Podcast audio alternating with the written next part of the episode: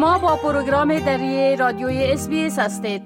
حال با جاوید روستاپور خبرنگار برنامه دری اس برای جنوب آسیا به تماس هستیم که اونا طبق معمول درباره تازه ترین رویدادها در ارتباط به افغانستان معلومات میتن آقای روستاپور سلام عرض می‌کنم. خب گفتم میشه که واکنش های در ارتباط به انتقاد عباس ستانکزی موین وزارت خارجه طالبا از برخورد پاکستانی ها با مهاجرین افغان نشان داده شده. اگر لطفا در این بار اولتر از همه یک مقدار معلومات بتین. با سلام وقت شما بخیر آقای فکر برای همون که شما اشاره کردین. عباس استانگزی معاون وزارت خارجه طالبان در یک نشست خبری در کابل گفت که اخراج مهاجرین از پاکستان غیر انسانی است که اگر اقدام لغو نشود طالبان عکس عمل نشان خواهد داد. این مقام طالبان تاکید کرد که طالبان تلاش می‌کنن از راه دیپلماتیکی مشکل را حل کنند. در غیر این صورت اینان حکومت طالبان عکس عمل جدی خواهد داشت. این در حال است که سازمان های این دادرسان گفتن که مهاجرینی که از پس دستگیری و اخراج از پاکستان فرار کردند و پس از ورود به افغانستان به غذا و آب لازم و سرپناه نیاز دارند. طالبان گفتند که کمیته را ایجاد کردن برای رسیدگی به مشکلات مهاجرینی که از پاکستان وارد افغانستان میشن و تا کنون بیش از دو میلیارد افغانی به گفته آقای ستانگزی برای مهاجرین اخراج شده از پاکستان اینا اختصاص دادن.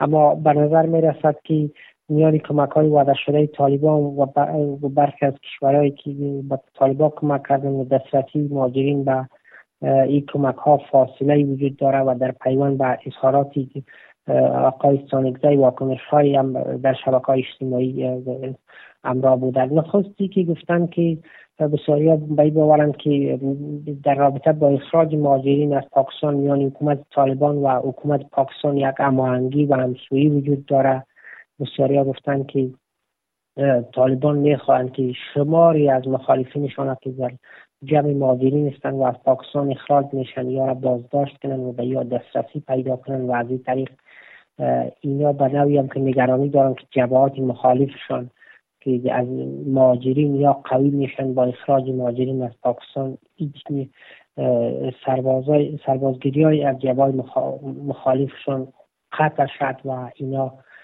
شماری از مخالفینشان را هم بازداشت خواهند کرد. تاکید به این است که اما انگی وجود دارد. هر اظهارات که از طرف طالبان صورت می‌گیره با مشوره حکومت پاکستان است و این چیز خودسرانه نیست و یک نوع ترفند است و طالبان هیچ چیز از خود گفتن نمی‌تونن. بدون مشوره و هماهنگی دولت پاکستان. بله خب گفته میشه که طالبا به جمعوری اطلاعات مردم در کابل آغاز کرده و به خانواده ها فرمه های را توضیح کرده که او را خانه پوری کنه و ای هم باعث نگرانی شده. بله؟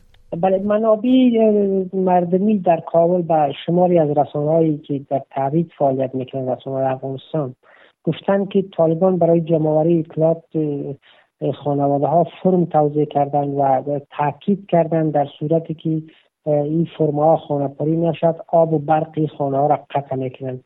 و گفته این منابع این فرم ها از دو روز پیش در خانه ها و شماری از خانه ها از طریق وکیلای گذر در کابل توضیح شده و تاکید کردند که این فرم ها باید مشخصات خانواده مانند وظیفه قبلی وظیفه کنونی تعداد اعضای فامیل شماره شماره های تلفن و همچنان عکس باید درد شد اما دلیل این کار طالبان تا کنون مشخص نیست. یکی دو رسانه گفتن که استخبارات طالبان در کابل با کمک وکیلای گذر این روند جمعوری اطلاعات کارمندان حکومت پیشین بیشتر آغاز کردن و تاکیدشان ای است که به اطلاعات کارمندان حکومت پیشین یا دسترسی پیدا بکنند و نگرانی های جدی هم ای است که در صورتی که اطلاعات خود را مردم به کارمندان و مامورین حکومت پیشین که در بخش های نظامی کار می‌کردن درس کنند و به دسترس طالبا قرار بگیرد یا احتمالا که بازداشت و شکنجه شوند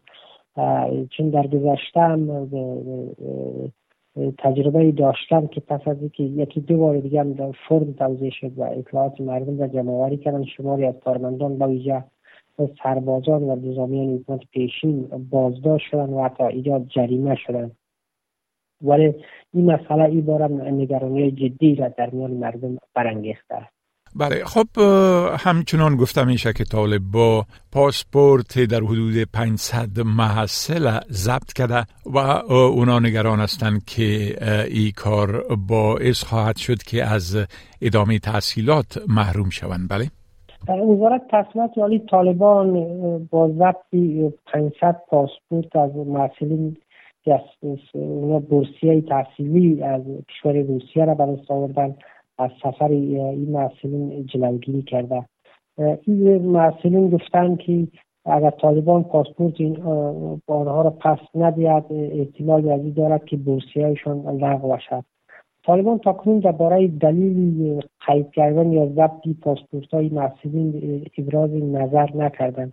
وزارت تحصیلات عالی طالبان در ماه قوس 14 صدیه که اطلاعیه بورسیه سال 2023 و 2024 کشور روسیه را در مقطع لیسانس ماستری و دکترا بود نشر کرده بود و در سوم جوزای 1422 از میان هزاران متقاضی 500 نفر به این بورسیا اعلام شدن یا برگزیده شدن و در اواخر ماه سنبله روند صدور ویزا آغاز شد. این محصولین گفتن که طالبان حدود چهار ماه یا سه ماه پیش پاسپورت های از یار اف گرفت و گفت که برایشان ویزا صادر می‌کنه از سفارت روسیه. ولی تا کنون پاسپورت های از یار ضبط کرده و دلیلی هم برایشان ارائه نمی‌کنند و مدتی هم از درس ها سپری شده و پاسپورت های از یار ندهد. احتمال از اینکه این سال یا از بورسیا معلوم شد وجود دارد. بله خب بسیار تشکر آقای روستاپور از این معلوماتتان و فعلا شما را به خدا می سپارم و روز خوش برتان آرزو می کنم وقت شما هم خوش خدا حافظ ناصرتان می خواهید این گناه گزارش ها را بیشتر بشنوید؟ با این گزارشات از طریق اپل پادکاست، گوگل پادکاست، سپاتیفای و یا هر جایی که پادکاستتان را می گیرید گوش دهید.